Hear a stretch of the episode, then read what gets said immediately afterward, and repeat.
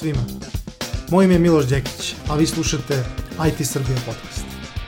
Ovog puta, iako to imam često običaj da kažem poseban gost, a nekog koga ja ne mogu da doživim kao gosta, ovaj, prosto je nemoguće, a i vrlo brzo ćete razumeti i zašto.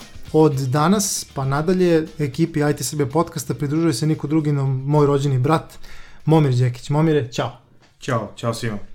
Što se mene tiče, konačno u IT Srbija podcastu, um, Momir je kolega iz IT-a, znači nije samo rođeni brat, nego i, i kolega iz IT-a sa malo više iskustva od mene. I mislim da ovaj je vreme da popričamo o nekim zanimljivim temama. Tema koju smo odabrali za danas je po mom mišljenju ekstremno aktuelna. I globalno bi mogli da nazovemo outsourcing, ali odlučili smo da, da pristupimo temi, da kažem, što otvorenije moguće. S obzirom da postoje jasne indicije da je outsourcing jednostavno čini, sačinjava ogroman procenat um, da kažem industrije, IT industrije u Srbiji, mislim da je vreme da malo, kako si ti jednom prilikom rekao, otvorimo karte i da vidimo sa čime mi tu raspolažemo i kako je stanje stvari. Naravno nismo ništa hteli da pričamo iz glave, nego smo malo pogledali neka istraživanja i sada ćemo da, da kažem, slušalce upoznamo sa tim istraživanjima i malo ćemo da prokomentarišemo. Čini mi se da su da je veliki broj mojih kolega, ne znam omire za tebe, e, čitao članke koje smo, koje smo mi našli, a koje sadrže veoma relevantne istraživanja. To kruži već neko vreme e, na društvenim mrežama. Konkretno dva članka koje su zapalila atmosferu nekoliko puta su jedan članak u politici, koga sam se setio, a u pitanju je članak pod naslovom Neto izvoz srpskog IT-a veći od Fijata i Železare zajedno. A drugi je jedno fantastično istraživanje koje se zove The Cost of IT Services in Europe Market Research, autora Vjačeslava Pronskog. Počeo bih sa sledećim. Možeš li ti sa, zajedno sa mnom, Momir, da se podsjetiš šta mi to sve radimo, šta to sve ulazi u IT usluge u Srbiji? Da, osim u IT usluge, u neke, neki prošireni, da kažem, skup usluga u kojima se mi bavimo, mi se poprilično dugo godina zapravo bavimo izvozem, izvozom usluga u Evropu i svet. O tome se ranije mnogo malo, malo se govorilo, danas se govori mnogo više. Neki podaci govore, a to su podaci koje smo pronašli da su vezani za dve platforme, jedna je Elens, a druga je Odesk, da preko 40.000 pre neke dve godine ili tri 40.000 freelancera iz Srbije radi na tim platformama. Do sada ih, taj se broj sigurno povećao, verovatno je bliži 50.000, a e, ti ljudi se bave različitim stvarima. Pretpostavljam da osim IT-a dominiraju stvari kao što je dizajn, kao što je izrada raznoraznih logoa, izrada uh, grafičkog identiteta, uh, usluge vezane za različite oblasti IT-a kao što su igre, pa tu možete da outsourcujete bilo programiranje, bilo crtanje, bilo animaciju, grafiku i tako dalje. Puno je ljudi sa različitim talentima koji godinama te talente nisu mogli da iskoriste u kompanijama, jer nije bilo tih kompanija. Oni tek od skora se kreiraju u Srbiji, Beogradu, u Novom Sadu, u Nišu, a ljudi su jednostavno preko interneta počeli da imaju mogućnost da vrlo lako mogu da prodaju svoje kvalitete, svoje znanje i svoje sposobnosti, često i kao drugi posao. Šta je meni zanimljivo? Uh, hteo bih da podsjetim da ima recimo i ljudi koji se sebe zovu copywriters, ima ljudi koji se bave prevođenjem, Ima ljudi koji se bave tutorskim poslom. Platforme, na primjer, OK Panda, ne znam da se čuo za mhm. platformu, mm -hmm. to je neka japanska platforma gde ljudi uče engleski, japanci uče engleski, a ti dobiješ mobilnu aplikaciju i ono konstantno, ja znam ljude koji baš dobro zarađuju od toga. I zanimljivo mi je koliko smo mi mala zemlja, a koliko imamo mnogo, pazi, samo freelancera. Sad, činjenica je da mnogi od tih freelancera imaju stabilan posao i to nisu siguran sam da nije većina ljudi koji samo freelansuju, iako ih sigurno ima jako puno. Naravno, mi trenutno nemamo relevantno istraživanje za to, međutim, to ne znači da se to neće promeniti. Šta više, ekipa okupljena oko podcasta će se potruditi da takve neke stvari isterano videlo koliko god to bude u našoj moći, a znamo da imamo podršku IT zajednice, smo već sproveli jednu fantastičnu anketu među programerima. Dobar početak, ali ima još da se radi. Evo, na primjer, ta informacija, koliko ljudi se bavi samo freelancingom, ja mislim da bi ta informacija značila, zlata su ovog vredila. Ok, oko, sad slobodna procena, oko 50.000 freelancera u Srbiji. Ali sad polako da se ograničimo na IT usluge. IT usluge u smislu direktno razvoj software development, neki DevOps, administracija servera, da kažemo administracija, ono, pozicija manje više community menadžera, administracija, nalog na društvenim mrežama itd. itd. Um, quality assurance. Ili support engineer. Ili, da, da. Uh, mislim da su to otprilike, iako sam siguran da ima i ljudi koji uh, rade razvoj igara kao pružanje usluge, mada mislim da to više ljudi koji ovde radi na razvoj igara više radi ovim ovih par velikih firmi Ovaj, za, za... Uslovno rečeno veliki. Pa dobro. za naše uslove, verovatno. Za naše uslove sigurno veliki. Um, ono što je zanimljivo, mi, mi smo apsolutno svedoci jedne male dominacije IT sektora u Srbiji, um, na koju svi blagonaklono gledaju osim, um, osim možda da kažem aktuelne vlasti ili vlasti generalno, uh, koji se, čini mi se, više bave nekim drugim pitanjima i ne vide grumem zlata ovaj, koji leži u IT-u, ali mi doživljamo to da se otvara sve više akreditovanih studijskih programa, da dolaze razno razni privatni, privatne edukacione ustanove, edukativne, i vrlo je jasno da IT polako, moglo bi se reći, preuzima prevlast ovaj, na našem tržištu. Mene interesuje, to me veoma interesuje već neko vreme, otkud odjednom toliko posla u IT u Srbiji? Prvo i osnovna stvar, e, IT je za razliku od mnogih drugih poslova koje obavljamo, e, globalno tržište.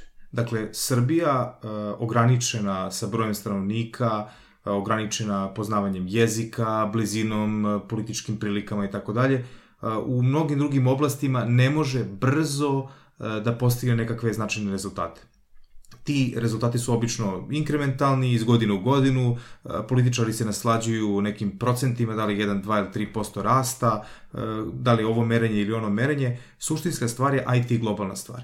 I dovoljno vam je da imate priključak za internet, danas praktično broadband, ono što smo nekad zvali broadbandom, može imati gotovo svaki dom u Srbiji. Samim time, ukoliko vi posjedujete neku veštinu, koja je u ovom trenutku veoma tražena ili globalno na ceni, vi možete to da prodate.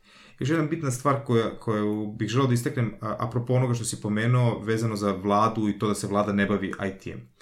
Nekada sam mislio do pre možda par meseci da je to veliki problem i da bi trebalo država Srbija da postupi kao što su mnoge države, recimo Baltičke države, posebno Estonija ili na primer Slovačka u, u centralnoj Evropi, postupale da nešto pomognu IT sektoru.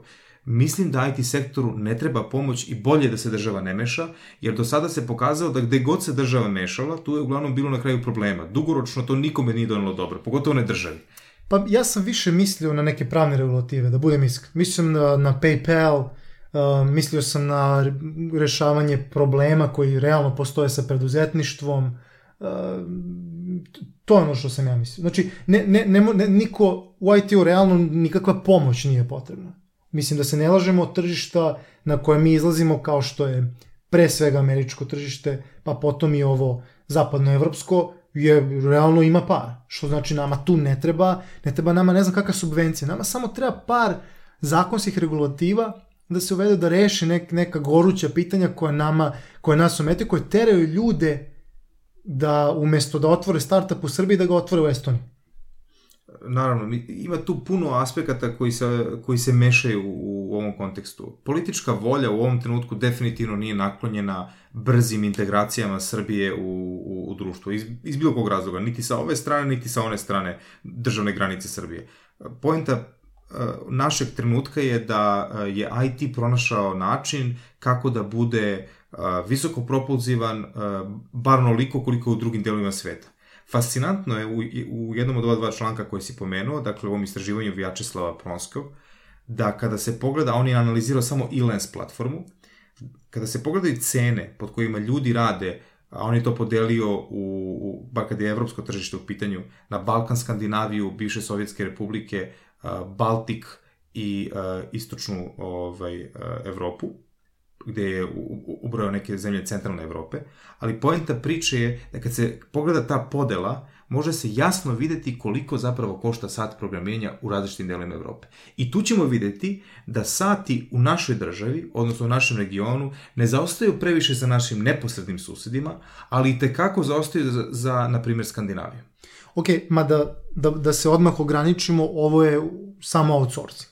Mi smo dosta pričali generalno o IT-u i čini mi se da taj nedostatak pravne regulative da kažem, pozitivnih zakona i slično, to je ono što nas malo sprečava, sputava da u nekom drugom aspektu IT-a budemo jači, ali nas nikako ne sprečava da outsourcujemo, to je apsolutno. Zato što um, ljudi prosto nalaze razne načine da, da, da, da, da se ne lažemo da prime novac. To je ono što je problem. Apsolutno, mislim, ti si pomenuo jednu jako važnu stvar, a to je, e, trenutno po zakonima Republike Srbije vi ne možete imati račun u bilo kojoj drugoj državi osim Republike Srbije, osim ukoliko taj račun je namenjen lečenju ili obrazovanju. Pošto se ovde radi o pružanju usluga, vi de facto treba da platite neki porez i tako dalje, morate primati novac na račune u državi.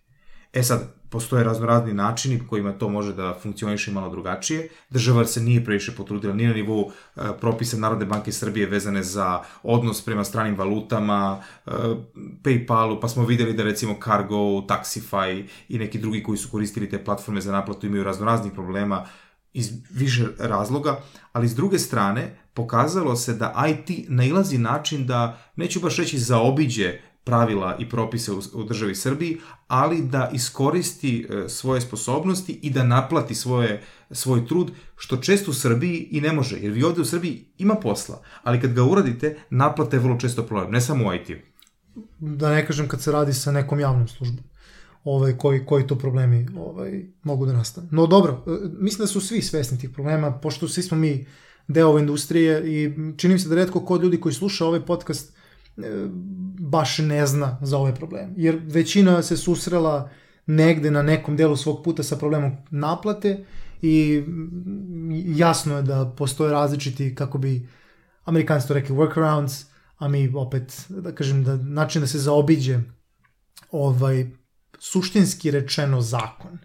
Zato što e, mi ovde govorimo o masovnom E, izbegavanju recimo plaćanja poreza i tako dalje i tako dalje. I to je samo ističem problem koji bi država mogla da reši. Ali uprko s tom problemu broj outsourcera raste. Izvoz uh, usluga u IT-u raste. Dakle, ta pojava je ona ko, e, oko koje smo zapravo uh, ovde videli priliku da neke stvari koje su se desile umeđu vremenu da na njih ukažemo i da ih pocrtamo, jer je jako bitno da ljudi koji ne posmatraju šire prilike u društvu, e, posebno nekom, nekom našem, našoj blizini u Evropi i Evroaziji, da shvate koliko neke male političke igrarije često mogu da utiču na globalna tržišta. Pošto smo rekli da je IT globalno tržište, onda sve što se dešava u globalnom tržištu će uticati i na tržište IT-a u Srbiji. Odlično, odlično stvar si rekao. Zašto? To znači da smo mi preko IT industrije ne samo IT industrija, ali suštinski IT industrija slash tehnologija, slash platforme koje mi koristimo da ovaj, izađemo na globalno tržište, to je naš priključak maltene na svetske tokove. Što znači, baš ono što si rekao, mi ne možemo da ne doživimo posledicu neke, nekog svetskog događaja. Što znači nije samo politika kod nas, nego je politika i ekonomija svugde u svetu nešto što utiče na taj naš outsourcing biznis. A realno ne mogu da kažem tačan procenat, ali čini mi se da svako ko se začeška malo po glavi i razmisli, shvatit će da, da je velika većina IT posla u Srbiji outsourcing. Sad mi ćemo pričati ovde o ciframa, zato što i, i zato pričamo i, i o zakonu i, i, i o, o porezima, zato što hoćemo da pričamo bukvalno sa otvorenim kartama. Hoćemo da pokušamo da uzmemo sve živo u obzir. Sada kad pričamo o ciframa, pričat ćemo isključivo o ciframa uh, koje naplaćuju freelance inženjeri, prevodioci, dizajneri, support inženjeri, quality assurance inženjeri i tako dalje. Da uporedimo te cifre sa komšijama, komšijskim državama, sa našim regionom, sa širim regionom, da vidimo gde smo mi u, u, na tom velikom svetskom IT tržištu. Zato sam ja oduševljen istraživanjem Vjačeslava Pronskog, pošto je on zaista uzeo sve u obzir. Ajde sad možda izmešao teritorijalno malo države, ali suštinski nema veze. Recimo, počet ćemo od toga da je prosečna a, cena IT sata u Srbiji, recimo, ajde počnemo od Balkana, recimo da je to između 27 i 40 dolara po satu. Na nivou Balkana. A negde najveća cifra, prosečna cena sata, dolazi recimo u Skandinaviji. A to je od 39 do 55 dolara. Znači, mi ne govorimo o ogromnoj razlici. To nije ogromna razlika. Ogromna razlika bi bila da je to duplo veće. Da je to tri puta veće. Da ne kažem više. To je bila ogromna razlika. A pazi koja razlika u standardu. Naravno.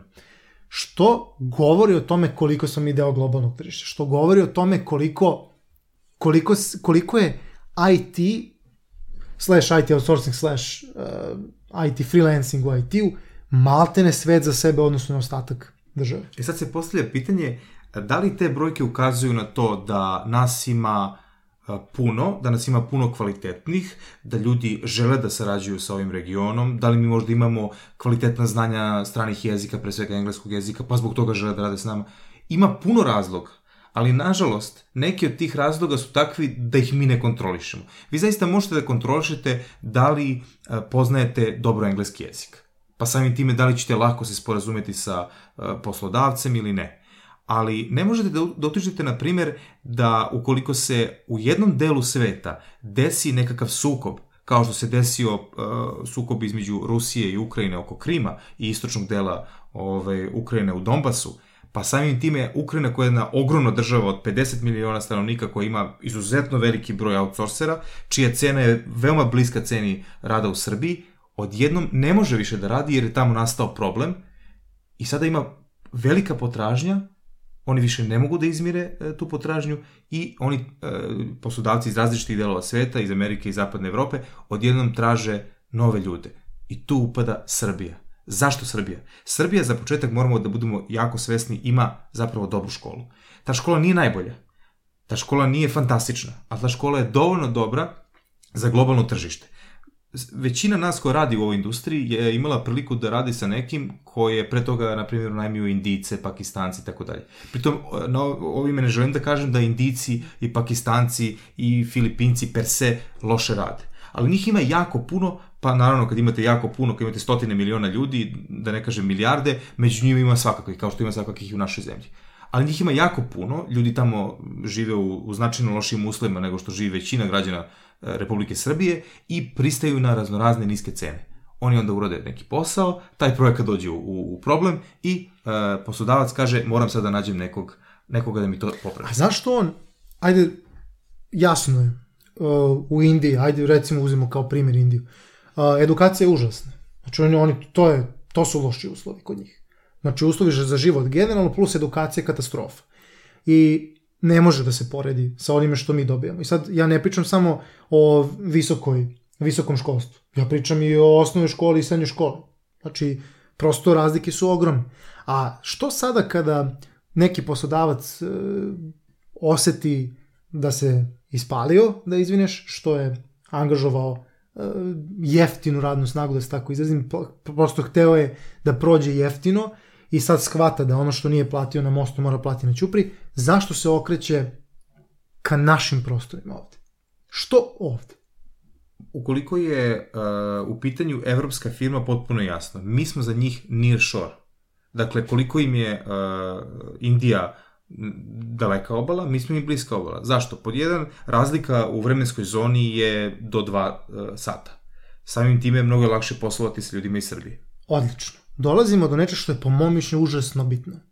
Znači, pre nego što počnemo da se busamo kvalitetom um, usluga uh, i generalno kvalitetom nas kao stručnjaka, hajde da budemo realni. Recimo, zapadnoj Evropi smo mi fantastični, jer imamo od nula do sat dva razlike u vremenskoj zoni. Fantazija. Pa mi sa, sa Švedskom se, se gađamo po vremenskoj zoni, sa Londonom se gađamo po vremenskoj zoni. Znači, fantazija. I onda dolazimo do, recimo, Sjedinjeničkih država, gde je razlika između 6 i 9, recimo. Osnovna razlika 6 New York, 9 Los Angeles. Ili Australijom gde je opet recimo 6 do 8 sati. Jeste s tim što opet e, to je malo unazad, malo je malo je drugačije. Ali eto ima ima razloga. Ovaj koji nisu samo vezani za kvalitet. Uh, jedan još od vrlo bitnih razloga je što u odnosu na lokalne uh, inženjere, al tako, koje ovaj poslodavci imaju na kilometar 2 3 u susednom gradu, mi prosto dajemo mnogo manju cenu sata. To je realnost. Ono, ono što ja percipiram kao problem naše IT industrije, što nas poslodavci posmatraju kao low cost. Ja mislim da je to problem. Mi se busamo time, mi imamo um, reklame koje idu u svet gde mi reklamiramo naše um, visoko školovane, visoko stručne kadrove, ali kao low cost. Zašto mislim da je to loše? Zato što prosto navikavamo tržište da plaća manje i da ne plaća onoliko koliko ta usluga realno vredi na globalnom tržištu. Vrlo interesantna stvar, gotovo po pravilu. S većinom ljudi s kojima sam razgovarao, koji su ovde napravili development centre, koji su ovde napravili kompanije koje pružaju usluge njihovim majkama, kompanijama u inostranstvu, kada ih pitate kako su oni zapravo došli do odluke da dođu u Srbiju, 95% njih će vam reći sledeću situaciju. Imao sam ili imam u firmi jednog ili više ljudi iz Srbije, rade fantastično, kada smo imali neku situaciju gde smo hteli da unajmimo neku ovaj, uh, ono, firmu izvan naše da nam uradi taj posao, oni bi nam rekli, pa ja imam kod kuće takvih ljudi uh, koji će to uraditi bez ikakvih problema, a, a vi unajmljujete za velike pare. Znači, za manje para, a jednako ili kvalitetnije. I tako je počelo prve outsourcing kompanije koje su kreirane ovde su kreirane tako što su majke firme iz zapadnih država došle ovde, okupile oko jednog ili dva čoveka, kreirala neki manji tim, ti timovi su rasli. Međutim, od tog vremena do danas mnogo toga se promenilo. Umeđu vremenu je IT postao još propulzivniji, još je lakše bilo kontaktirati ljude, naravno imamo raznorazne posrednike u plaćanju, bilo da je u pitanju PayPal, Stripe, Moneybookers, Skrill i tako dalje. Znači, svi ti sistemi su omogućili da vi možete na jednostavan način da dođete do, do, do novca koji ste zaradili i ljudi se mnogo lakše odlučuju. Jedan od, jedna od stvari koja mene uvek uh, nervirala, kada razgovaramo na tu temu, što ljudi stavljaju u isti koš, na primer, zaposlene i ljudi koji se bave outsourcing poslom. Kad kažem stavljaju u isti koš, to je vrlo teško porediti. Freelance. Freelance, da. Mm -hmm. Jako je teško porediti. Zašto? Ljudi koji su zaposleni imaju sva prava i obaveze zaposlenih u kompanijama. Dok ljudi koji rade kao outsourceri, oni imaju sva prava i obaveze ljudi koji se bave poslom outsourcinga. I ta prava i obaveze se poprilično razlikuju. Daću vam samo par stvari koje smatram da su veoma bitne i jako mladi ljudi koji tek kreću sa karijerom vrlo često o tome ne razmišljaju na, na isti način. Uh, vi kada radite, kada ste zaposleni po ugovoru o, o, o radu, koji se oslanja na zakon o radu, vi imate pravo na godišnji odmor, imate pravo na bolovanje, imate obezbeđena razna osiguranja, osiguranje ove, od nezaposlenosti, osiguranje zdravstveno, imate penziono osiguranje i tako dalje. Naravno, imate raznorazne mehanizme pomoću kojih vi možete, na primjer, penziono osiguranje, tako što sami uplaćujete privatne penzione fondove, da imate na kraju možda i više novca nego što biste imali da ste sve to uplaćivali u državni fond. Isto važi i za zdravstveno. Isto važi i za zdravstveno, mada se postavlja onda pitanje gde vam je bolje lečiti se, znate, imate bolničku i van bolničku negu. Što se tiče van bolničke nege, to mi popriča sve jedno, jer isti lekari rade. Ali kada je u pitanju bolnička nega, mnogo vam se više isplati da imate e, državno zdravstveno osiguranje, jer u bolnicama radi po 5-6 lekara iz jedne oblasti, dok u privatnim bolnicama radi obično jedan lekar i onda prosto imate viši kvalitet i tako dalje. Ali to, je sad, to, to su individualne stvari. Ono što jeste razlika, kad radite kao outsourcer, bez obzira, na primjer, pomenut ćemo samo jednu brojku 20 E, dolara na sat. To znači da vi 160 dolara u toku jednog prosečnog radnog dana uzmete, je li tako? Pa dobro, pod uslovom da neko radi 8 sati. Pod uslovom da radi 8 sati. I da radite 22 rana dana, to je nešto preko 3600-700 dolara, recimo 3500 evra. Neko kad pogleda tu cifru, rekao bi, pa to je sjajno. E, Gde možete naći u Srbiji posao za 3500 evra? Međutim, to je 3500 evra bruto. Pa samim time vi od toga možete, morate oduzeti i sve one poreze i doprinose koje država propisuje, tu ulazimo do onog problema preduzetnika o kojima smo stalno pričali. Pa i, i ne samo to, ulazimo i u situaciju, da kažem, da ljudi ne plaćaju porez. Znači, ti kada isključivo primaš platu preko Skrill, recimo, platforme, dajem samo kao primjer, imamo Payoneer uh, i tako, imamo, imamo razne neke igrače i to, to, to se ja uvek nekako frapiram, recimo, dođe Payoneer, napravi napravi ovde događaj skup, u da. Srbiji da. skup, a u fazonu to ilegalno maltene po, po, po zakonima o, Srbije da, da ti koristiš Payoneer. Ali dobro, to je sad priča za sebe. Međutim, tu ljudi bukvalno ne plaćaju porez.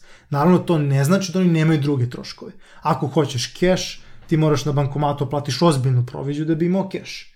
Ako hoćeš da koristiš prosto da plaćaš na point of sale uh, terminalima, znači prodavnici, kafiću itd. itd. onda nemaš neke velike probleme sa konverzijom i tako da. Međutim, uvek postoje neke dažbine, uvek postoji nešto što ti moraš da platiš. I drugo, nije to uvek, ako ti naplaćuješ 20 dolara sat, um, 3600 ili koliko se već računao, uh, dolara mesečno. To nije tako. Ja ne znam za freelancera koji radi 8 sati dnevno. Mislim, nije da ne znam, ali realno ne radi se tako. Znači, neko se bavi skroz freelancom, on neće uvek naći stabilnog klijenta za kojeg će radi dve godine, full time. To ne, ne ide tako, nego će se baviti onime čime se bavi svaka druga agencija u Srbiji e, lovljenjem projekata. I od projekta do projekta, nekada će biti besposlen, naravno neće on, ako je na primjer inženjer, neće on besposličariti, bit će kontributor recimo na nekom source softveru, pravit će nešto svoje itd. itd. ali neće primati novac. Što znači, pravilno si rekao, nije za poređenje. Ono čime bih ja volio da se još malo pozabavimo je tim otvaranjem karata po pitanju novca. Analiza koju je gospodin Jačeslav napravio, mi ćemo znači to linkovati naravno u opisu epizode, ta analiza je zanimljiva zato što govori o tome suštinski koliko su male razlike u svim regionima u Evropi. Koliko su male razlike u ceni. Da, ovde ne računamo, dakle, Nemačku, Francusku, Veliku Britaniju, dakle, nemamo podatke za te države, tu su cene verovatno ili gotovo sigurno značajno više nego ove o kojima govorimo. Mada ljudi ne outsourcuju baš u Nemačku. Outsourcuju na Balkan. Zato i nemamo podatke. Tako je. Ono što mene čudi je što, kak, zašto ljudi outsourcuju recimo Skandinaviju. To mi je čudno. To ne razumem. Ne kapiram. Oni ljudi takav standard imaju čudno mi je, ali možemo da... da, da, da... Nema tu verovatno previše ovih uh, IT programera. Tu se verovatno outsourcuju neke druge stvari. Ne bi me iznenadilo. Tu se možda outsourcuju neke više pozicije i tako dalje. Pa zbog toga je ova cena. To je zanimljivo, mislim da ću ja lično malo istražiti na temu jer prosto sam radoznao. Ali ok, ajde da počnemo sa jednim pregledom tih cena. Ovo su sad prosečne cene usluga. Znači, Na Balkanu rekli smo 27 do 40 dolara na sat. Skandinavija 39 do 55 i to je plafon. A, bivše sovjetske republike od 20 bez Baltika. Bez Baltika, tako je, od 25 do 35. To je to bi bila Ukrajina. Um, Baltič, znači zemlje Baltika od 31 do 44 i na kraju nešto što autor kaže istočna Evropa 28 do 40 a tu su vam Češka, Slovačka i Mađarska. Ali u principu to je to. To su sve veoma približni brojevi. Sad razlog što je autor vršio ovo istraživanje je da ljudima koji hoće da outsourcuju ove zemlje na neki način preporuči da kada traže zaposlene inženjere, na primjer, da otprilike traže u određenom cenovnom rangu, koji će manje više da garantuju dovoljan kvalitet za plaćeni novac. Da tako? Da. da kažem, cost benefits. Ba, na Balkanu se preporučuje iz, da, da, da, da se traže kadrovi koji naplaćuju od 31 do 40 dolara po satu, S tim što naše komšije Slova, uh, Slovenija, Hrvatska i Grčka, pošto ovo je Balkan i Grčka, da kažem, računato, naše komšije plus Grčka, za njih se preporučuje od 41 do 50. Oni, da kažem, imaju malo više standard po tom pitanju od, od recimo Srbije, Albanije, Bosne i Hercegovine i tako dalje. Čudo nigdje ne pominje Crnu Goru, ali verovatno i nema toliko puno. Pa, Crna Gora ima 650.000 stanovnika. Pa dobro, mi imamo 7 miliona, pa vidi koliko... Pa jeste, ali možda zbog toga što su crnogorski ovaj, outsourceri zapravo iz Beograda. Pa dobro, možda, možda jeste, ali da, da se ne šalimo na temu. ne znam, prosto, prosto ne znam, ali i to je bilo zanimljivo. Ovaj, znate recimo koliko ima freelancera u Crnoj Gori. Um, što se tiče Skandinavije, pa ste tu je sad ozbiljna priča, uh, autor preporučuje da, da, da, da poslodavci traže inženjere koji naplaćuju od 51 do 100 dolara po satu. Znači njihov neki uh, uh, pod je 50 plus dolara. Dok je neki plafon, recimo Slovenija, Hrvatska, Grčka, 50 dolara. Znači tu se već kod tih preporuka vidi ogromna razlika. Jer prosto ozbiljni igrači ozbiljno naplaćuju, to je realnost. Što se tiče bivših sovjetskih republika, preporuka je da se traži kadrovi od 31 do 40 dolara, što je potpuno ekvivalentno uh, Balkanu, odnosno državama kao što su Srbija, Bosna i Hercegovina, Albanija. Države Baltika su 41 do 50 dolara preporuka i na kraju ta neka istočna Evropa 40 dolara, dok se za Češku specifično preporučuje da se traže kadrovi od 41 do 50 dolara. Tu je otprilike malo viši e, kvalitet i malo viši standard poput Hrvatske, Slovenije i Grčke, koje možemo sad ručno od Balkan.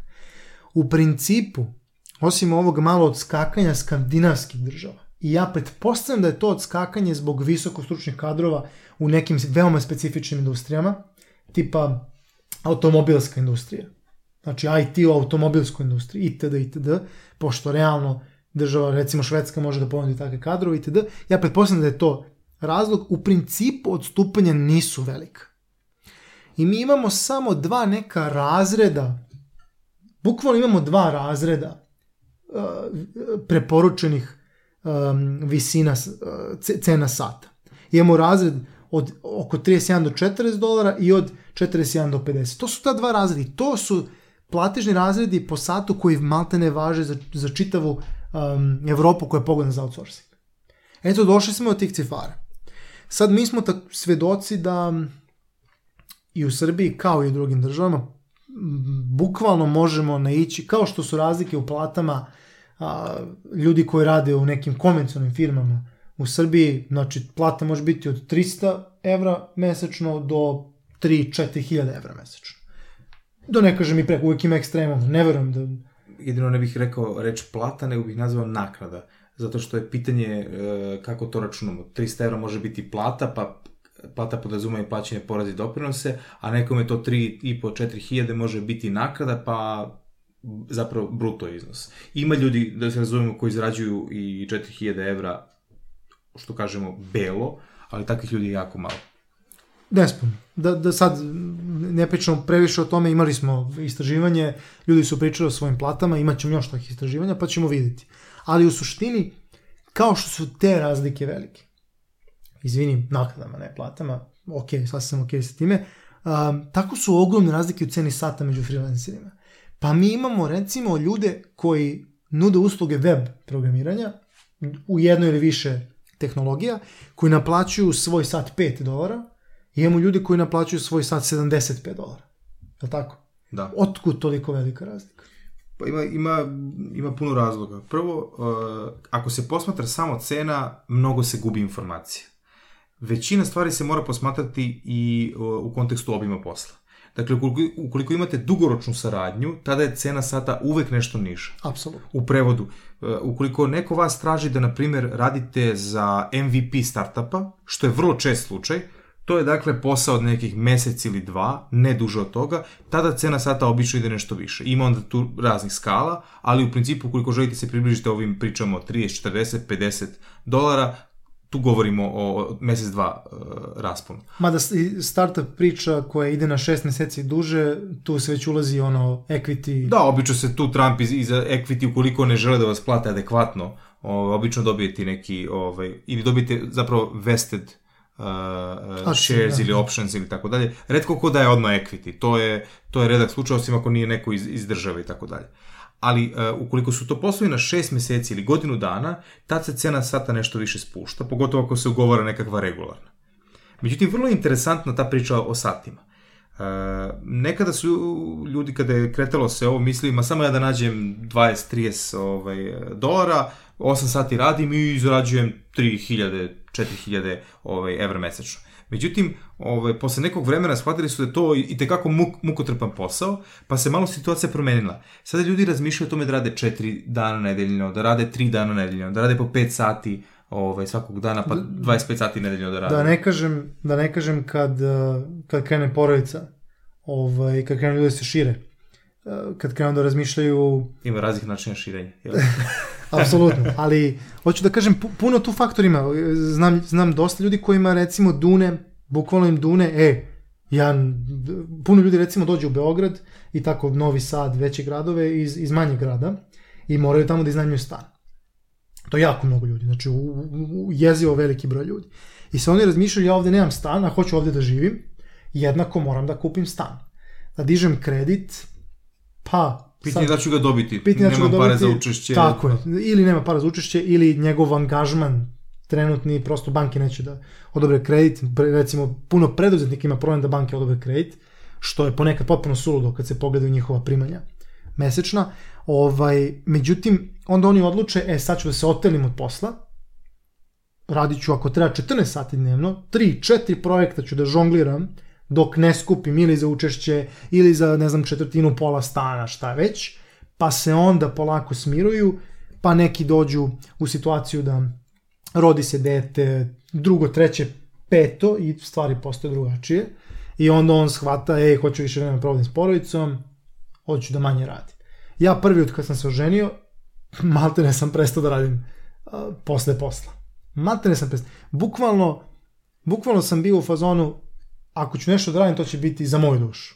I odmah su ljudi primetili češće izlaze emisije na podcastu, tako da mislim da su i slušalci zahvali na to. Pa dobro, ako ko voli, nek izvoli.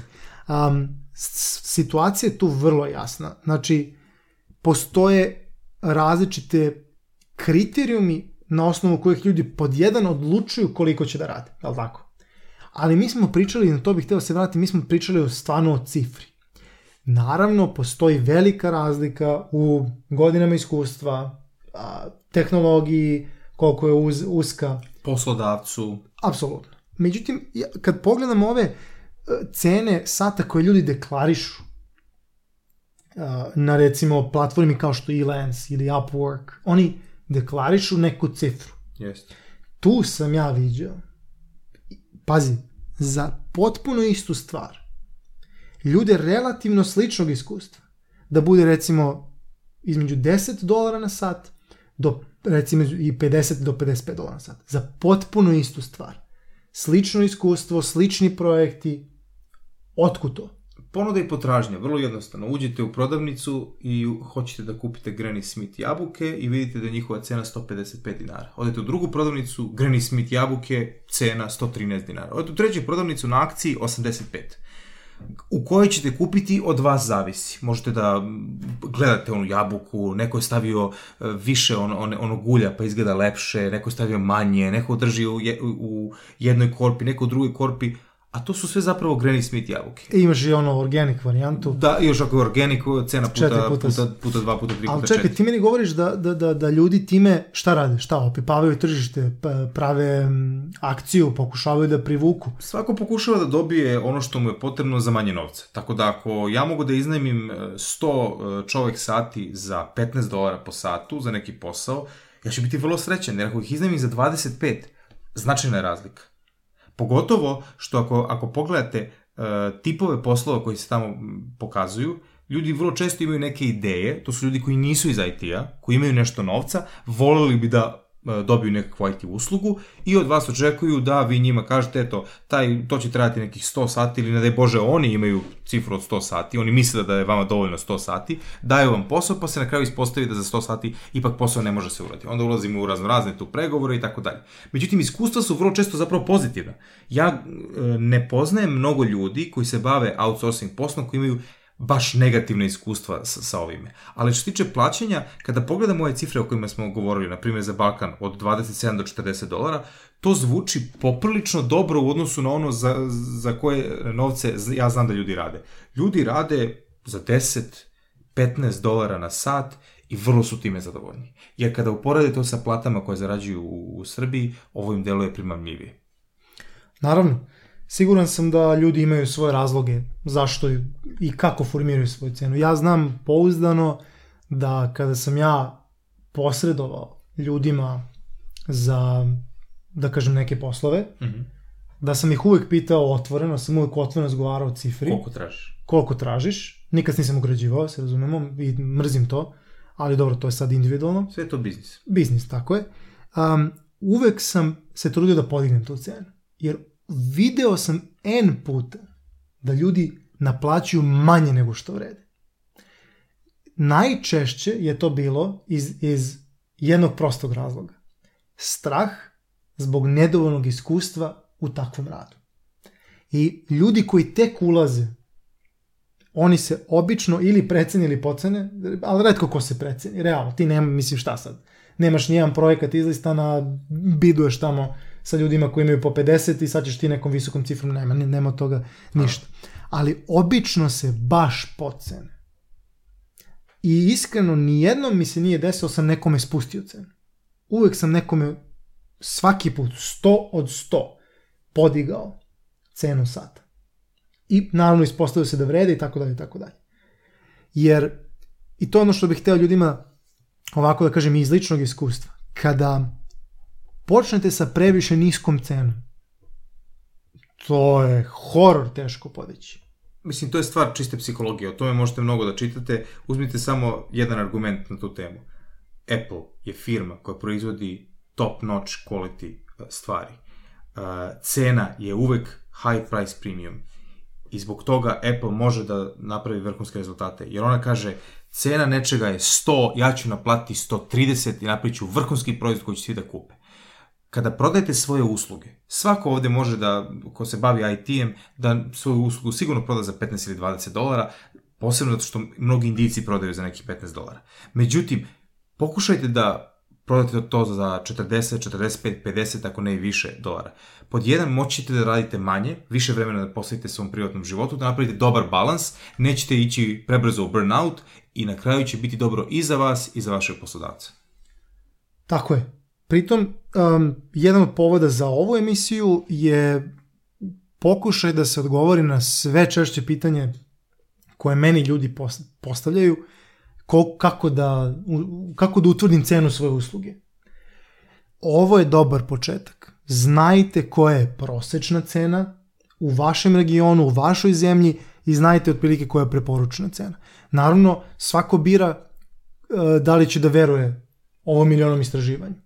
Ovo istraživanje konkretno koje smo, o kojem smo mi razgovarali bavi se analizom e-lens uh, platforme i naravno lišeno je svih drugih platformi, lišeno je uh, do, dosta širokog spektra uh, ponuda i poslodavaca naravno, ali s obzirom na samu količinu podataka, mislim da je uzorak odličan i da je odlična polazna osnova. Tako da, izvolite gospodo, kada utvrđujete svoju cenu, uzmite to kao, kao osnov. Uzmite činjenicu da se uh, u Srbiji, da, da, da se u, u našem regionu prosečno se naplaćuje između 27 i 40 dolara po satu, a da je preporučno između 31 i 40, a dok naše malo razvijenije komšije kao što Hrvatska, Slovenija i manje više Grčka